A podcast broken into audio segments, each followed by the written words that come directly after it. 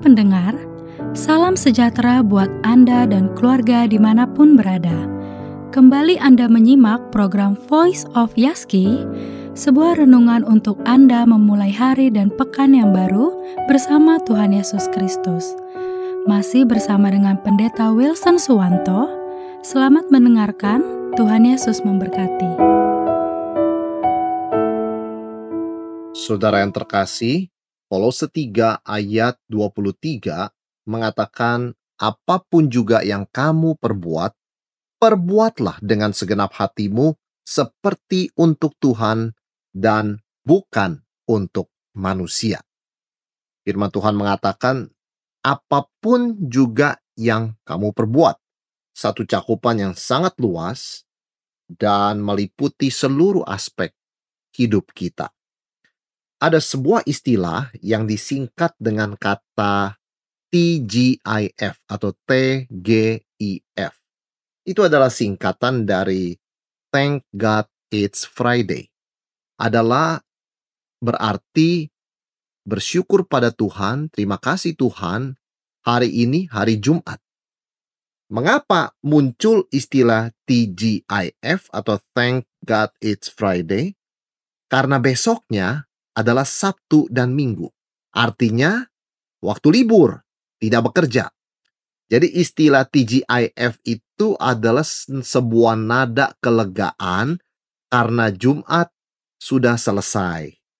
Atau Jumat itu adalah hari terakhir kerja dalam minggu itu. Karena akan diikuti oleh dua hari libur, yaitu Sabtu dan Minggu. Dengan kata lain, ada ketidaksenangan dan ketidaksukaan kepada kerja. Kerja itu dirasakan sebagai beban, sebagai kewajiban, sebagai sesuatu yang kotor, melelahkan, dan sebaiknya kalau bisa dijauhi, dijauhi saja. Ada juga ungkapan dalam bahasa Inggris yang mengatakan, I hate Monday. Artinya, saya benci hari Senin. Jelas, oleh karena hari Senin adalah hari pertama dari pekerjaan. Bahkan sekarang ada juga ungkapan Sunday evening blues. Artinya suatu masa atau suasana sedih di minggu malam oleh karena besok akan segera Senin. Kita melihat ungkapan-ungkapan ini persamaannya adalah sama-sama tidak menyukai hari bekerja.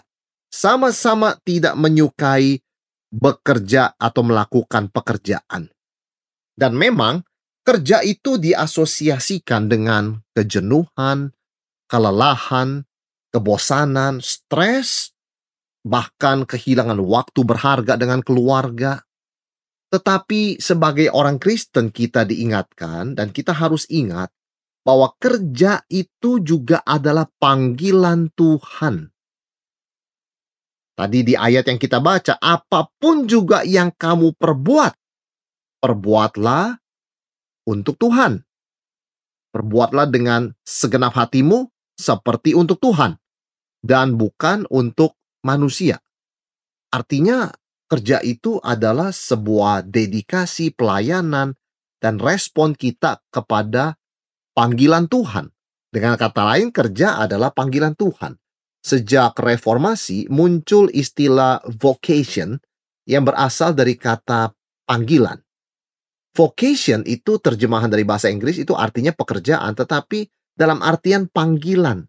Bukan sekedar pekerjaan yang sering kita dengar dengan istilah job atau work ya atau profession atau profesi. Vocation itu pekerjaan dalam pengertian panggilan. Jadi orang ketika ditanya what is your vocation? Apa pekerjaanmu? Maksudnya adalah Tuhan panggil kamu kerja apa? Ada seorang yang bekerja sebagai pengantar air galon. Kerja itu melelahkan, jadwalnya padat, dia harus bolak-balik mengambil air galon dan mengantarkan ke rumah pembeli. Kadang-kadang harus menunggu cukup lama sampai pembeli itu membuka pintu atau menjawab bel. Dan di tengah panas yang sangat terik, memang ada kelelahan, ada kebosanan dan penghasilannya tidak seberapa. Sampai suatu hari di sebuah RT, ternyata ada perbaikan pipa air sehingga semua air itu dari pusat dimatikan. tidak ada air mengalir selama beberapa hari karena ada perbaikan besar-besaran pipa di RT tersebut. Apa yang terjadi? Dia mendapatkan begitu banyak WA, begitu banyak telepon, begitu banyak permintaan tolong antarkan air. Kami beli air galon lebih banyak dari biasanya karena air di rumah tidak mengalir, karena dimatikan dari pusat, karena ada pekerjaan perbaikan. Dan dia mendapatkan banyak nada apresiasi sampai satu orang berkata terima kasih sudah mengantarkan galon air sehingga ibu saya yang sedang sakit sangat tertolong oleh karena seperti kamu tahu air tidak ada di RT ini. Saudara dia mulai menyadari ternyata pekerjaan yang dia dianggap rendah, membosankan, dan melelahkan dan tidak membawa hasil seberapa itu menciptakan perbedaan yang besar bagi banyak orang. Karena air, manusia tidak bisa hidup tanpa air. Jadi dia mulai menyadari bahwa ada elemen, ada unsur panggilan. Meskipun hasilnya tidak seberapa, meskipun melelahkan, meskipun tidak mudah bekerja seperti ini, dan bahkan kebutuhannya pun tidak tertutupi dengan bekerja seperti ini, tetapi ada nilai dalam pekerjaan ini, menolong orang. Dan di situ kita bisa mendengar panggilan Tuhan untuk kita mengasihi Tuhan dengan segenap hati kita dan mengasihi sesama seperti diri sendiri. Bapak reformator seperti Luther dan Calvin mengingatkan kita bahwa pekerjaan kita adalah panggilan Tuhan. Karena itu adalah panggilan maka tidak ada tinggi dan rendah. Sama seperti orang dipanggil menjadi hamba Tuhan. Dia seorang yang dipanggil menjadi hamba Tuhan. Adakah istilah hamba Tuhan tinggi, hamba Tuhan rendah? Tentu tidak. Yang namanya panggilan semuanya sama rendah sebagai hamba.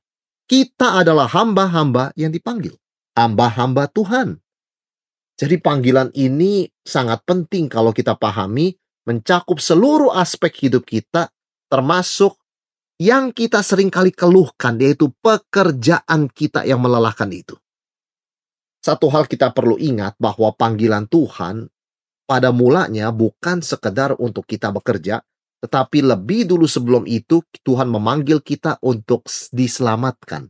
Maka panggilan di dalam Alkitab, bicara panggilan Tuhan itu panggilan keselamatan. Misalnya di dalam 1 Petrus 2 ayat 9 dikatakan, Tetapi kamulah bangsa yang terpilih, imamat yang rajani, bangsa yang kudus, umat kepunyaan Allah sendiri. Supaya kamu memberitakan perbuatan-perbuatannya besar dari dia yang telah memanggil kamu keluar dari kegelapan kepada terangnya yang ajaib. Tuhan memanggil kita keluar dari kegelapan, itu artinya keselamatan. Kita dibawa keluar dari kegelapan dan dosa, dibawa keluar kepada keselamatan dan terangnya yang ajaib. Panggilan Tuhan pertama-tama adalah panggilan keselamatan. Tetapi Tuhan tidak meninggalkan kita setelah kita diselamatkan untuk diam-diam dan menganggur-nganggur bersantai-santai. Karena jelas dikatakan dalam firman Tuhan bahwa kita diselamatkan hanya oleh anugerah, tetapi Tuhan tidak berhenti di sana, karena dikatakan dalam Efesus 2 ayat 10, karena kita ini buatan Allah, diciptakan dalam Kristus Yesus. Maksudnya diselamatkan. Dipanggil dalam Yesus Kristus untuk melakukan pekerjaan baik yang dipersiapkan Allah sebelumnya. Iya, Tuhan mau supaya kita hidup di dalamnya. Jadi kita diselamatkan, kita dipanggil untuk diselamatkan, tapi Tuhan tidak berhenti memanggil kita dengan kita diselamatkan saja, tapi Dia terus memanggil kita untuk melayani dan bekerja di ladangnya, memuliakan nama Tuhan. Dan itu artinya orang yang sudah diselamatkan. Jadi ketika kita diselamatkan, itu tidak bisa dipisahkan dengan kita mentaati panggilan Tuhan, bekerja sebagai respon kepada panggilan Tuhan, dan melayani Tuhan. Bahkan kita tahu bahwa istilah gereja dari bahasa Yunani eklesia itu berarti umat yang dipanggil keluar jadi kita ini adalah orang-orang yang dipanggil oleh Tuhan dan berespon. Sehingga kita melihat segala hidup kita, baik keselamatan, hidup kekal, masa depan kita, termasuk pekerjaan dan keluarga kita, sebagai panggilan Tuhan. Panggilan Tuhan adalah keselamatan kita, panggilan Tuhan juga adalah pekerjaan kita, panggilan Tuhan juga adalah identitas kita. Maka yang pertama kita perlu belajar kita perlu belajar melihat pekerjaan kita sebagai panggilan Tuhan. Kita terbiasa dengan pemisahan sakral, sekular, atau rohani duniawi. Artinya kalau hari Minggu itu adalah hari yang sakral. hari yang kudus, hari yang rohani. Tetapi Senin sampai Sabtu adalah hari yang sekuler, hari yang duniawi, hari yang jasmani. Kita terbiasa dengan pemisahan seperti itu di dalam pola pikir kita. Dan kita sering kali berpikir, oh panggilan Tuhan itu sakral, tapi itu hanya berhubungan dengan hari Minggu. Panggilan ibadah, panggilan berkhotbah, panggilan melayani Tuhan, panggilan menyanyi di paduan suara, panggilan memberikan persembahan, dan sebagainya. Tetapi pekerjaan itu Senin sampai Sabtu, oh itu tidak ada hubungan dengan Tuhan, itu sesuatu yang sekuler, sangat kotor dan tidak kudus. Dan itu berbicara semata-mata mengenai materi, mengenai uang, mengenai cari untung dan penuh dengan kelelahan dan semata-mata dilakukan untuk bertahan hidup. Jadi pandangan kita tentang pekerjaan itu sering kali sangat rendah. Sangat hina, sangat berdosa, sangat kotor, sangat najis. Sedangkan pikiran kita tentang hari Minggu gereja itu, pelayanan itu sangat mulia, sangat luar biasa. Tetapi ini adalah pemisahan yang keliru. Ini adalah cara pikir yang salah. Karena kalau kita kembali ke kejadian satu, kita tahu bahwa pekerjaan sudah ada sejak manusia diciptakan. Tuhan menciptakan manusia kudus menurut gambar dan rupa Allah, diciptakannya manusia, diciptakannya kita, kemudian Tuhan memberikan pekerjaan. Beranak cuculah dan bertambah banyak, penuhi bumi dan taklukkanlah, usahakan taman itu dan peliharalah Tuhan tidak meninggalkan manusia diam-diam. Itu sebabnya ketika kita diselamatkan oleh Tuhan Yesus, itu seperti kita diciptakan kembali. Maka kita ini disebut buatan Allah diciptakan dalam Kristus. Sama seperti Adam. Ketika Adam diciptakan dalam gambar rupa Allah, selanjutnya apa? Perintah untuk bekerja. Demikian pula dengan kita. Kita sudah diselamatkan oleh anugerah Tuhan tanpa perbuatan baik kita, semata-mata hanya dengan iman, lalu ngapain kita? Bekerja bagi Tuhan merespon panggilan Tuhan.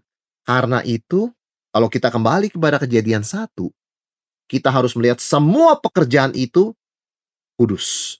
Selama pekerjaan itu tidak berlawanan dengan firman Tuhan, ber, tidak melanggar hukum negara, selama pekerjaan itu adalah pekerjaan yang benar, maka itu adalah bersifat kudus.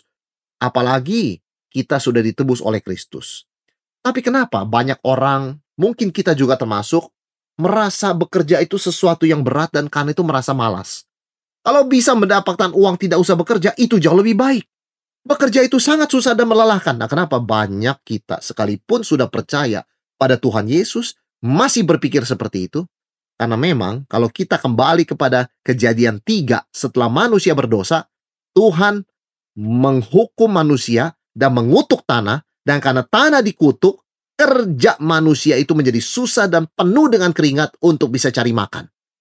Jadi konsep kerja kita yang negatif bahwa kerja itu melelahkan, sangat kotor, kemudian uh, tidak ada arti, kosong, dan seperti hukuman rasanya, itu adi, merupakan berdasarkan kejadian tiga. Setelah Adam Hawa jatuh dalam dosa dan dihukum. Tetapi saudara dan saya yang sudah percaya kepada Tuhan Yesus Kristus, kita sudah diselamatkan kita sudah ditebus dari kesia-siaan, kita ditebus dari kutuk, kita ditebus dari segala dosa dan perbudakan. Pertanyaannya, masa kita masih bekerja dengan mentalitas dari kejadian pasal 3 ketika Allah menghukum manusia? Apa bedanya kita dengan sebelum terima Tuhan Yesus? Setelah kita terima Tuhan Yesus, mentalitas kita tidak boleh kejadian 3. Tetapi Kolose 3 ayat 23.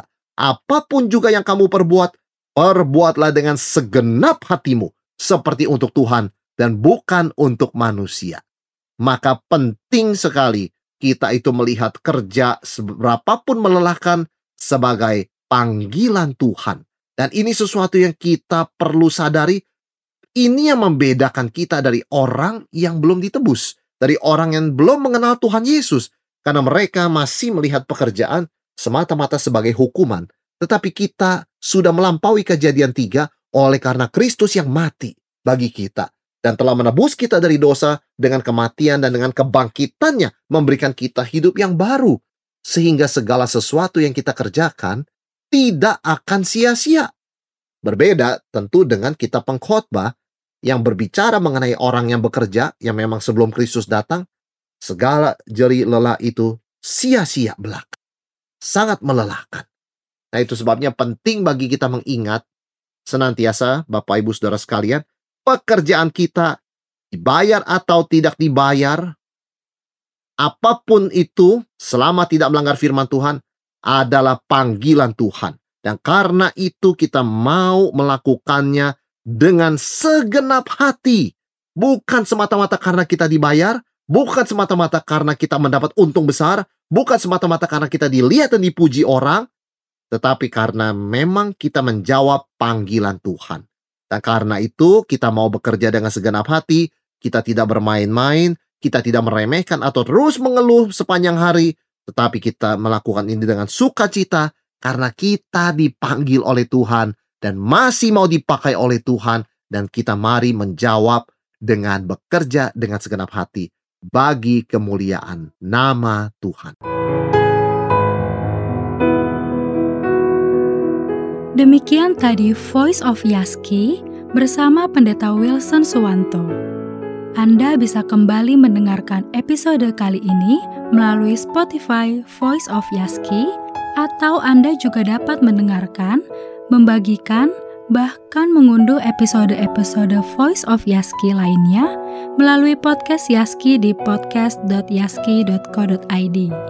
Terima kasih sudah mendengarkan. Salam sehat selalu dan Tuhan Yesus memelihara Anda dan keluarga.